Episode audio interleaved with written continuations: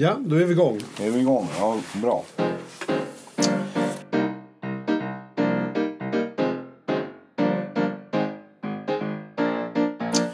Normer och värderingar.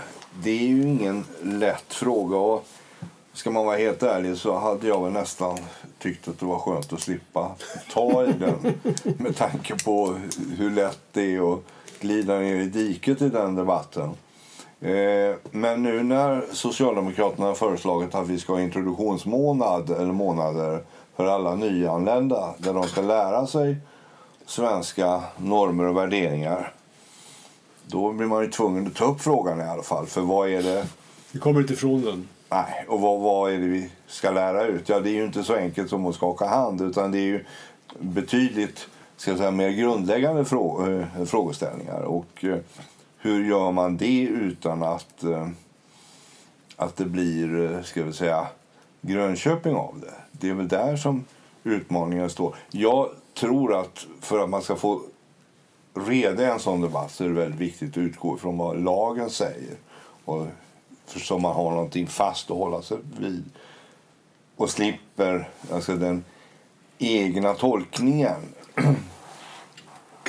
Jag såg en sån här tolkning nu i, i eh, eh, tidningen här idag att om det var Skolöverstyrelsen eller, eller Invandrarverket eller någon som hade sagt apropå yttrandefrihet och till barn i skolan. Ja, du får säga vad du vill eh, så länge ingen blir kränkt.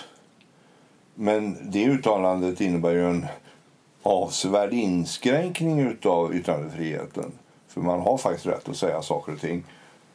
Yttrandefriheten är betydligt vidare än så. Ja. ja mm. Man får säga saker och ting som retar folk. Mm. Så länge man håller sig inom lagens råmärken och inte beljuger någon eller, eller Eh, går så långt. Och vi kan ju inte ha ett, land, ett samhälle där man inte får ha olika åsikter. Därför att som, som det är idag ska ju folk bli kränkta av det mest banala eh, åsikt så att säga. Men det är intressant därför att om vi tänker oss att det där var en, en enkel um, skolregel till exempel. Så är frågan, kan skolan inskränka våra våra yttrandefrihetslagar så att säga. I den här skolan är vi så att vi inte talar till varandra så att någon blir kränkt. Är det då en, ett rimligt sätt att förhålla sig som skolnorm eller som skolregel inom den skolans ram? Eller säger man att ja, men skolan kan inte vara... Skolan ska väl följa lagens bokstav ungefär. Att en och annan elev blir kränkt av vad någon annan säger det, det får finnas i det. Det går inte att inskränka på det ja. sättet. Och sen finns ju kränkt och kränkt. Därför ja, det är klart, jag, jag är kränkt därför någon säger till dig att du är fräknig, din mm. jävel. Då är det klart att, att då, är, då har man ju passerat en gräns. I alla fall om man översätter fräkning till svart eller, eller någonting annat. Eh, Medan däremot säga du är dum din jävel, mm. det är ju faktiskt tillåtet. Mm. Även i skolan. Även i skolan. Vi tycker det i alla fall. Ja. Ja, ja. Men det, redan den här lilla inledningen visar ju hur, hur grannlaga den här uppgiften är. Hur, vad ska vi lära ut? Jo, vi ska lära ut de grundläggande mänskliga rättigheterna. Mm. Och de är stadfästa i FN-deklarationer och annat och inte särskilt svenska, även om de naturligtvis är svenska så mått att vi har dem inkorporerade i vår kultur. Det är en del av vår lagstiftning och det är faktiskt att många av dem kommer ur någon form av västerländsk tradition, om man får uttrycka sig så. Eh, som i sin tur bygger på en mellanöstertradition med tio Guds bud och, så vidare. Så, så att eh, eh, det är väl där man måste börja. Alla människor ska eh, behandlas lika. Eh, behandla andra så som du själv förväntar dig att bli behandlad. Eh, inte särskilt kontroversiellt oavsett vilken religion man har. Och så vidare. Men, men det är väl egentligen lagen som är, som är det vi ska lära ut. Vad gäller i Sverige? Du får vara gift med en Mm, men inte flera. Du får vara gift med både man och kvinna, mm. men inte med en fotboll. Alltså, mm. mm. Det finns regler som, som eh, är kodifierade. Men du måste själv vara vuxen för att vara gift och den du gifter dig med måste vara vuxen också. Alltså vuxen är väl här eh, minst 18 år? Ja, och så förr i världen kunde man ju gå till kungs och så kunde man väl få gifta sig ner till 16, men jag vet inte hur det är idag. Ja, men det är ändå en regel. Alltså undantagsregeln är nog väldigt tydligt skriven hur, Ja. den, hur, hur, den ska, hur det ska gå till så att säga. Ja. Och därmed är det inte givet att du får tillåtelse heller. Nej. Och sen så kommer ju utvidgningen av detta att är du gift under ett annat rättssystem som är ratificerat internationellt eh, och kommer hit så gäller det giftermålet även här. Är det så då om- en man som det här klassiska, en man kommer med en, en ung med en, kvinn, med en flicka och, och han säger att de är gifta. Gäller det giftermålet, äktenskapet i Sverige? Då? Om det är ingått enligt till exempel saudisk lag så gäller det som ett saudiskt äktenskap, ja. Så har jag förstått det när jag har försökt eh, eh, tolka det som har diskuterats de senaste veckorna. Eh, i, I bakgrunden av den här diskussionen om Socialstyrelsens eh, bok om... Om man, om man trasslar till det då. Om det kommer en saudisk man hit och, och det visar sig att hans fru är under 15 år. Kan svenska myndigheter då ingripa och säga att ja visst, ni kan vara formellt gifta men ni får inte idka samlag. Eh, Det, det strider mot vår lag. Det är ju det som är problemet. Att, eh, och det var ju det som Socialstyrelsen försökte bringa reda i med den här eh, broschyren som nu är indragen. Ja, ni är gifta. Ja, ni har barn. Men ni kanske inte ska eh, leva ihop eh, som man och hustru därför att barnet är ett barn. Och, och då kommer man ut på ett, ett väldigt, väldigt vanskligt eh, område. Det är samma sak med månggifte. Det är tillåtet att komma till Sverige med sina fyra fruar om man kommer ifrån Saudi. Eh, och de ska betraktas som fruar därför de är fruar enligt saudisk rätt. Och vi har, eh, ska jag säga, vi kan inte upplösa någonting som är, är ingått enligt, enligt saudisk lag. Å andra sidan kan du inte komma som saudier i Sverige och säga hej, jag är saudier, jag är i Sverige, jag vill gifta mig med de här fyra kvinnorna. Det går inte. Det är klart, det där blir ju krångligt. Det där blir ju krångligt inte bara för eventuella invandrare utan också för oss själva. Tror jag. Därför att jag minns den där historien om mannen i Nacka som, som hade kommit hit med sin familj. Och familjen bestod av tre fruar och tillhörande barn. Och de behövde väldigt mycket lägenheter i sitt första boende. Och då ordnade kommunen det, för det gör kommuner i Sverige. Och det blev ett ramaskri därför att han behövde då väldigt mycket utrymme för den här familjen. Och, eh, och, och, just det här att han hade, om jag minns rätt, tre fruar som skulle bo mm, kanske i samma stora eller flera lägenheter som behövdes. Det, det får man säga, det stred ju i högsta grad mot en svensk vanlig norm att ha det på det sättet. Ja, det som gjorde folk extra arga i det fallet, om jag minns rätt, var ju det att han dessutom krävde en våning åt sig själv.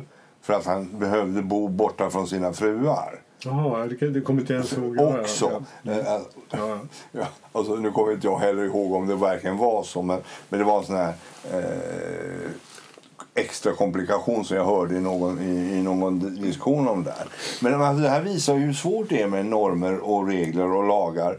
Och, och där tycker jag, det är samma sak som vårt eget förslag att vi ska göra det olagligt att gå på bordell i Tyskland fast det är lagligt i Tyskland.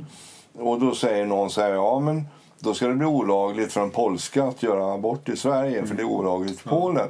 Alltså det, så fort man börjar ändra på jurisdiktioner så blir det ju väldigt svårt. Och där tror jag faktiskt att den enkla regeln är det. Ja, de är gifta enligt saudisk lag. Nej, man kan inte gifta sig så i Sverige. Jo, de har rätt att vara i Sverige som man och hustru, alla fyra. Eh, men vi etablerar inget specialtillstånd för muslimer från Saudi att skaffa sig fyra fruar i Sverige. Däremot så tvingar de, vi dem inte att skilja sig om de kommer hit. Och, och det där är väl någon form av live and let live-regel så att säga. Som är ungefär en del av våra normer och värderingar att vi är tillåtande för de som kommer hit och redan har blivit på ett visst sätt. Men vi tillåter dem inte att bli på det sättet här när de är under vår jurisdiktion. Om vi tittar på den svenska debatten just nu så kan man ju ana att det, det, det som rösten höjs hela tiden för ungefär det motsatta. Inte för, att, inte för att de tycker något annorlunda än vad du säger nu men snarare att vi ska se till att alla invandrare förstår det svenska norm och regelsystemet. Vi ska se till att de lär sig bättre. I, i svenskundervisningen ska det också vara undervisning i hur man ser på saker och ting i Sverige. Det, säga, det hoppas vi att de inrättar sig därefter för det har vi kanske inte sagt till ordentligt tidigare. Så det finns en sån ström kan man säga. Den uttalas nästan av svenska politiker. Och det tycker jag att så ska det vara också. Alltså, du får naturligtvis följa Saudis lag i Saudiarabien och säga att din fru inte får köra. Men i Sverige får din fru köra. Och hon är ett självständigt rättsobjekt. Mm. Så hon har själv rätt att avgöra det. Och du, min gode man, har inte med saken att göra. Och är det så att du vill ha med saken att göra då är det lämpligt att du och din hustru med hennes medgivande flyttar tillbaka till Saudi. Men lägg märke till det. Vill inte hon flytta hem till Saudi så har hon rätt att låta bli det så länge hon är i, I i, svensk i jurisdiktion. Och, och det där tycker jag också är en, en, en, både en norm och en, en, en värdering och en rättsprincip. Att vi ska vara tillåtande. Eller som min mamma sa, man ska vara god men man ska inte vara lortgod. Va? Man ska inte lägga... Alltså, såna här poliser som finns i vissa förorter som det påstås, alltså moralpoliser, får inte finnas i Nej, Sverige. nej. Därför de upprätthåller nämligen ingen eh, svensk lag. De har en hittepålag Mm. som råkar vara, ska vi säga, religiöst baserad. Ofta strängare. Ja. ja, säkert helt tillämplig i de länder som är, är, är, är, där, där sharia är, är giltig lagstiftning. Men det är det inte i Sverige. Och därför, får man, därför ligger det på svensk rätt att se till att den här typen av skeenderätt inte tillämpas i Sverige. Därför varje kvinna är ett självständigt, fritt rättsobjekt i Sverige som har rätt att göra precis vad fasen hon vill. Och det har inte varken hennes man eller hennes släkt eller stränga gubbar på gatan rätt att ha en synpunkt på. Men om man tänker sig sånt, om vi skulle upprätthålla det, den normen i Sverige, det finns ju alla anledning för oss att göra det, då, då inser man att det, det handlar inte så mycket om att diskutera saker och ting. Det går inte att diskutera det och, och, och försöka hävda det och tro att någon annan ska, ska tro på det. Jo, det kanske går, men jag menar, egentligen är det så att det vi talar om är så grundläggande saker som de är just snarare lag, lag, eller lag och ordning som man säger till och med. Så det, är ju nästan, det är nästan en polisiär fråga. Ni, ni, kan, ni får inte stå här på torget och, och säga vad folk ska göra och inte göra och vad de ska ha på sig och inte på sig. Det är faktiskt inte er sak att hålla på med det. Det måste ni sluta med. Utan det är faktiskt så att det är, det är ingen, om det är så att ni tycker att det här är fel så måste ni driva det här i en civilprocess till en domstol och sånt där på ett vanligt svenskt manér. Om ni vill att det ska gå till på något annat sätt. Men någon annan möjlighet finns inte. Ja, och, det, och det där tycker jag är otroligt viktigt att vi håller fast vid den principen. Alltså, naturligtvis må man ha synpunkter på hur folk uppträder. Jo, det är riktigt. Det får du absolut Ja, ha. jo, det Men det finns ju en glidande skala här. Ja. Om de här herrarna börjar inte bara ha kaftan på sig utan dessutom har såna piskor Mm. eller, eller käppar som moralpolisen har i Teheran. Mm. Ja, då, är det ju, då är det en direkt polisiär fråga. Ja, det är för då är det någon som tar på sig att använda våld eller hot Mm. om våld som korrektiv i vårt samhälle utan att ha någon som helst grund för det. Mm. Och var övergår det verbala hotet om våld till ett praktiskt våldsutövning? Ja, det är en glidskala, men där, det där är en polisiär fråga. Ja, det, ja, det.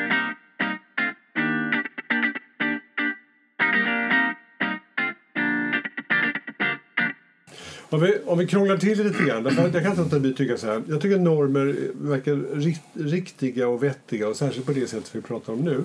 Men jag kan inte låta bli också att tycka att Eh, två saker. Det ena är att normkritik är nästan ett skolämne numera. Då är man plötsligt inne på något helt annat. Då börjar man säga att de normer som finns i vårt samhälle måste liksom vridas och vändas på. De är inte självklara. Det finns liksom underförstått så ja, men det, är inte så, det är inte så enkelt så att de normerna som gäller i vårt samhälle är, är bra eller goda eller, eller de riktiga eller de vettiga. Utan tvärtom är det så att vi måste liksom se, titta på dem noggrant och se om de verkligen är så bra som vi inbillar oss. Vi ska inte bara för att de finns där tro att de är de vettigaste. Det där är ju väldigt viktigt därför att alltså, utvecklingen går fort och normer förändras fort. Och det är ju så var det 1956 som det blev lagligt att vara homosexuell i Sverige? Jag tror till och med det var långt senare. Jag tror, Om inte jag minns fel så var det till och med en bit in på 70-talet. Så till och med 10-12 års tid senare. Tror jag. Ja, så, ja, och det där är ju en... Alltså, idag så undrar men var det så sent? Ja, ja. Det är ungefär som man blir lika förvånad man tänker kvinnor rösträtt mm. kom 1918. Mm. Jag menar, det, är liksom, det finns ett antal... Så, så självklart ska normer hela tiden överprövas och, och kritiseras och diskuteras. För de är inte självklara. Och sen så är det klart att de blir komplicerade de här debatterna. För att jag kan mycket väl tänka mig att i den sexuella frihetens 70-tal mm. så fanns det säkert en debatt om månggifte som var mer baserad på att det är kul att ha många män eller många fruar. Mm, eh, som sen helt plötsligt kommer in i en helt ny kontext när, när det blir en religiös fråga också. Eh, då blir det ju... Då kan man tänka sig att den muslimske eh, ska jag säga, imamen tycker ja, nej men månggifte är helt okej okay så länge det är muslimskt. Men någon form av sexuellt frigörelse månggifte, det är haram. Det får det inte vara. Alltså, så det är många dimensioner i det här. Nu har ju den debatten, nu har vi blivit så nymoralistiska allihop så hela 70-talens eh, frihetlighet när det gäller sex, den är ju borta då, mm. bortsett från hbtq eh, att vi är så eh, politiskt korrekta när det gäller ja. hbtq. Men, men, men det är ju mera läpparnas bekännelse i många fall. För det är ingen människa som vågar.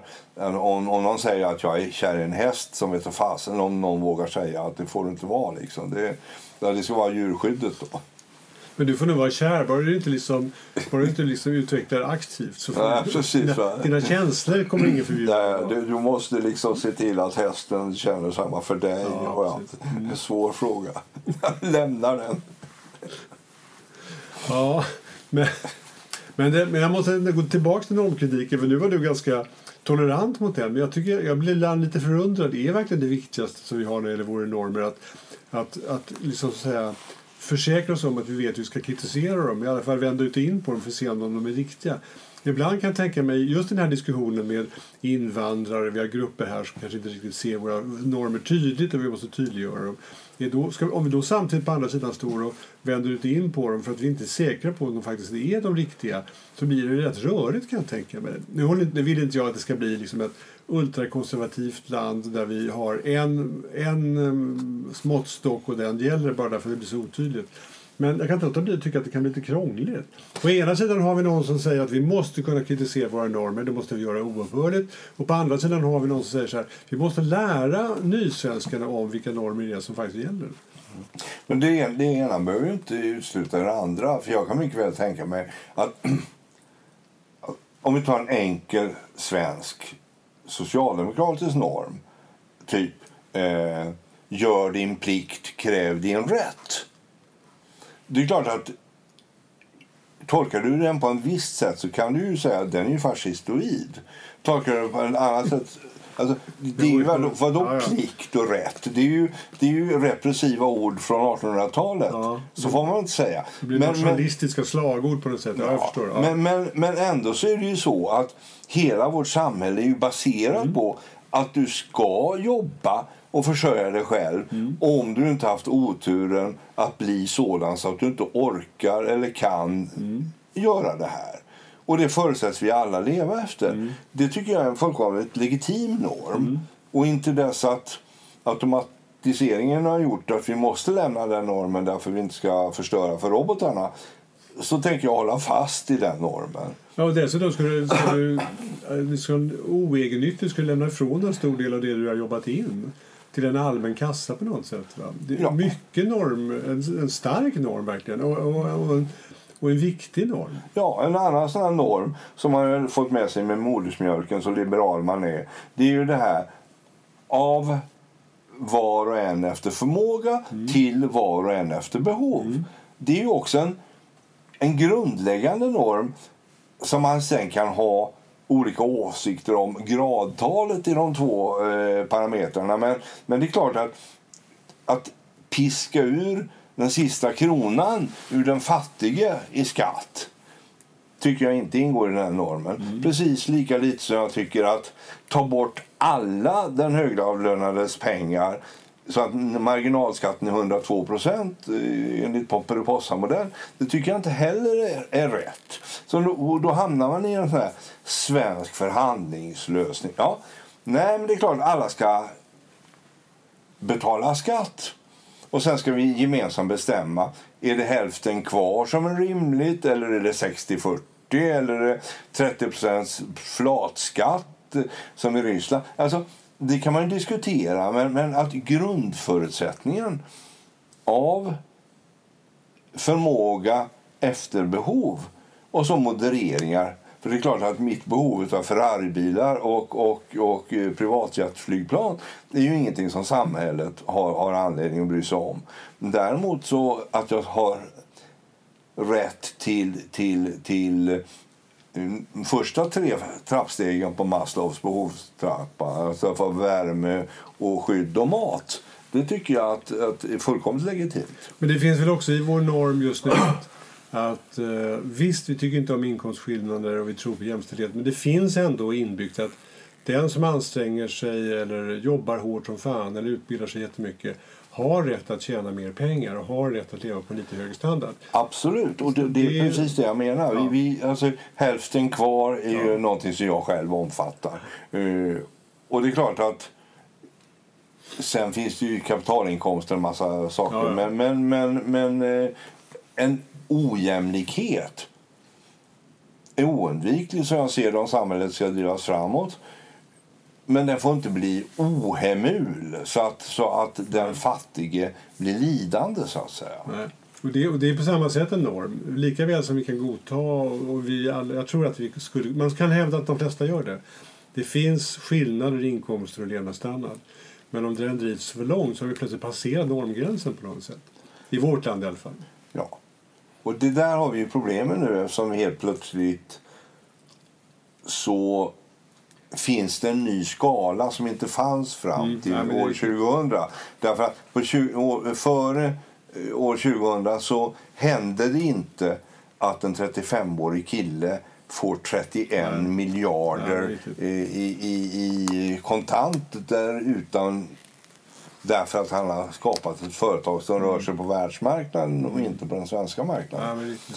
Och det måste man ju också tillåta. För Mm. annars så, Det är ju bättre att Sverige uppfinner ett Spotify än att Sverige inte uppfinner Ja. ett Spotify. Ja, det är riktigt. Det, men, men, men man måste erkänna också att det strider. Det, blir- det, det blir, sticker i ögonen på något sätt. Va?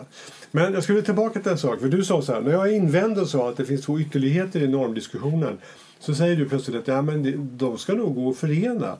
Och så talar du om, om normbygget på ena sidan. Men, men jag, jag tror att, det skulle, att du skulle behöva slutföra det. Därför att det ena är ju liksom vilka normer kan man tillåta? Men den andra sidan då är varför måste vi då om... Ska, går det att kombinera, kort sagt, går det att kombinera det här hela tiden, ifrågasätta normen och samtidigt stå på andra sidan gatan och säga att det här är den svenska normen och det måste ni lära er? Jo, men alltså, det finns något som man, man lärde sig i lumpen. Va? Kartan gäller till ny karta ritas. Mm. Och, och vad jag menar, det här är de normer som vi har konsensus om just nu. Mm. Sen kan vi liksom hacka på de normerna och så helt plötsligt så ändrar sig de och så säger vi så, ja, nej, men vi har tänkt fel. Nu är, nu är, nu är giftermål mellan homosexuella eh, möjligt. Och så ändrar man lagen och så Ja, men det vidare. där, allt det där tror jag kan vara riktigt. Om, om man tänker sig ska jag säga, allmänt teoretiskt välutbildat och välutvecklat. Men om man tänker så här. Vi tänker oss en, liten, vi tänker oss en, en vanlig svensk skola och dit kommer en 12-åring som, som har bott i ett annat land i Mellersta Östern. Han eller hon försöker inrätta sig i det svenska samhället och försöker liksom lista ut vad är det som gäller här. För snart blir jag tonåring. Det är klart man vill vara som tonåringar är mest, det vill säga ungefär som alla andra. Och sen så hamnar man i första lektionen handlar om normkritik. Och då får man lära sig att alla de här normerna som man försöker, försöker förstå vilka de är, de kan man egentligen vända ut och in på och inte vara säker på att de egentligen gäller. Det måste ju bli lite krångligt alltså. Och det är klart det är krångligt. Men att man har en diskussion om normerna innebär ju inte att man ändrar dem. Det innebär ju att, de är, att man diskuterar dem. Ja, det vet jag. Och det är klart att det, det, det blir komplicerat. Men, men det, då kommer vi tillbaka till det exemplet jag hade. Vi har yttrandefrihet i Sverige. Ja, så uttrycker någon myndighet hur ska den tillämpas i skolan. Mm. Och då finns det två nivåer som du själv nämnde. Det ena är regeln i skolan kan ju vara bra trots att den inskränker yttrandefriheten. Mm. Vi, vi har en, mm, ja. På skoltid har vi den här regeln. Vi säger ja. inte saker som kränker någon annan. Men vi är medvetna om att det är en inskränkning av yttrandefriheten. Mm. Så det är, en, det är en form av överenskommelse vi har här för att mm. olja i skolmaskineriet så att säga. Men vi är medvetna om att det är en inskränkning av lagen så att mm. säga. Och, och, och jag såg någonting rätt kul på, på Twitter i den här frågan nu på, på morgonen. Då, för då är det någon som säger så här ungefär att säg vad du vill så länge du inte kränker någon, eh, har medierådet sagt. Mm. Och då säger den här personen, ja det är det dummaste jag har hört. Ja. Titta här vad Stephen Fry säger. Och då eh, säger Stephen Fry så här. It's now very common to hear people say I'm rather offended by that. Mm. As if it gives them certain rights. Mm. Just det. Och då säger Stephen Fry att nej, de har inga speciella rättigheter. Det här är bara en form av gnällighet. Visst. Man har absolut rätt mm. att ha helt olika åsikter, att bli förbaskad. Och om du är kommunist och jag är moderat och du säger att jag är kapitalistsvin, mm. och då är det fullkomligt eh, okej okay att säga det. Därför att Även om jag blir upprörd. När jag är visserligen kapitalist, men inget svin, som du ser. Ja, den typen av diskussion är, till, är, är tillämplig så länge man är inom lagen. Men om du säger till mig så, din judejävel som någon sa till Sherman igår på tv. Mm. Då blir jag så upprörd så jag, mm, alltså, så jag förstår inte att inte det blev polisanmält på, mm, på är, plats. Alltså, därför att ja. Då har man gått ett ja, jättesteg för långt. Va? Det står och jag faktiskt väldigt, i lagen, eller hur? Ja, mm. och, och det menar jag att det är väldigt viktigt att man ska alltså både diskutera normer, värderingar och lag samtidigt. Mm. Därför att vi har värderingar och de är öppna för tolkningar. Mm. Och vi har normer och de är öppna för tolkningar. Och sen har vi lagen att hålla oss till. Och lagen är också öppen för tolkningar, men de tolkningarna gör Högsta domstolen. Mm. De gör inte du och jag. liksom. Och, och det, vi måste ändå klara av att leva i ett samhälle som har vissa grundvärderingar. Som att man jobbar och strävar och betalar skatt. Man behandlar alla människor lika. Man slår inte folk på mm. käften. Men man ser ju det. Alltså, I Sverige så slås inte vuxna karlar utanför krogen. Det är ingen svensk norm. Vi uppfattar det som synnerligen ociviliserat. Mm. Men i London så slås ju till och med bankers utanför puben. Därför, och så snackar man med någon, någon norsk eller någon engelsk bekanting om detta då, som jag gjorde på den tiden jag satt i en engelsk styrelse. Då säger ah, but you know Per, we're a fighting race. Mm. Det är en fullkomligt självklar norm att när man blir förbannad på någon utanför, så går man ut utanför puben och så slår man på käften. Mm. Och det är faktiskt i Sverige. Och det är samma sak i, i jag var i Amerika. Och så var jag på den här vilda västern-bar för jag åkte skidor i, i, i Utah. Och så bodde jag jättebilligt där jag var i ungdomen. På någon där riktigt roadhouse. Och där fanns det en bar. Och det som slog mig var det att folk var så otroligt artiga i den här baren. Mm. Det är amerikaner ofta. Ja. Mm. Och så sa jag det till någon. Och då så sa en av killarna, men det förstår du väl, alla här är ju beväpnade. Mm, just det. Ja. Eller så jag snackade med en svart kille som jag träffade eh, när jag åkte tunnelbana, det är också 20-30 år sedan, då sa, och, och någon hade liksom, det var blivit något skuffande och något bråk i någon tunnelbanevagn. Och då sa den här killen till mig efteråt, alltså, hade det där hänt i tunnelbanan i New York så hade den personen inte gått levande ur. Ja. Någon har dragit revolvern. Någon, alltså, därför att den typen av nedsättande omdöme som användes i den eh, tunnelbanevagnen det, det utlöser dödligt våld i, i eh, New York, så att säga. Mm, Eller på den tiden i alla fall. Och det där är alltså... Så värderingar och normer är olika även i de kulturer som är så Nära nära besläktade som London och, och Stockholm, så att säga. Ja, det är krångligt det där. Jag, jag, nu måste jag titta på se hur det är med tiden här.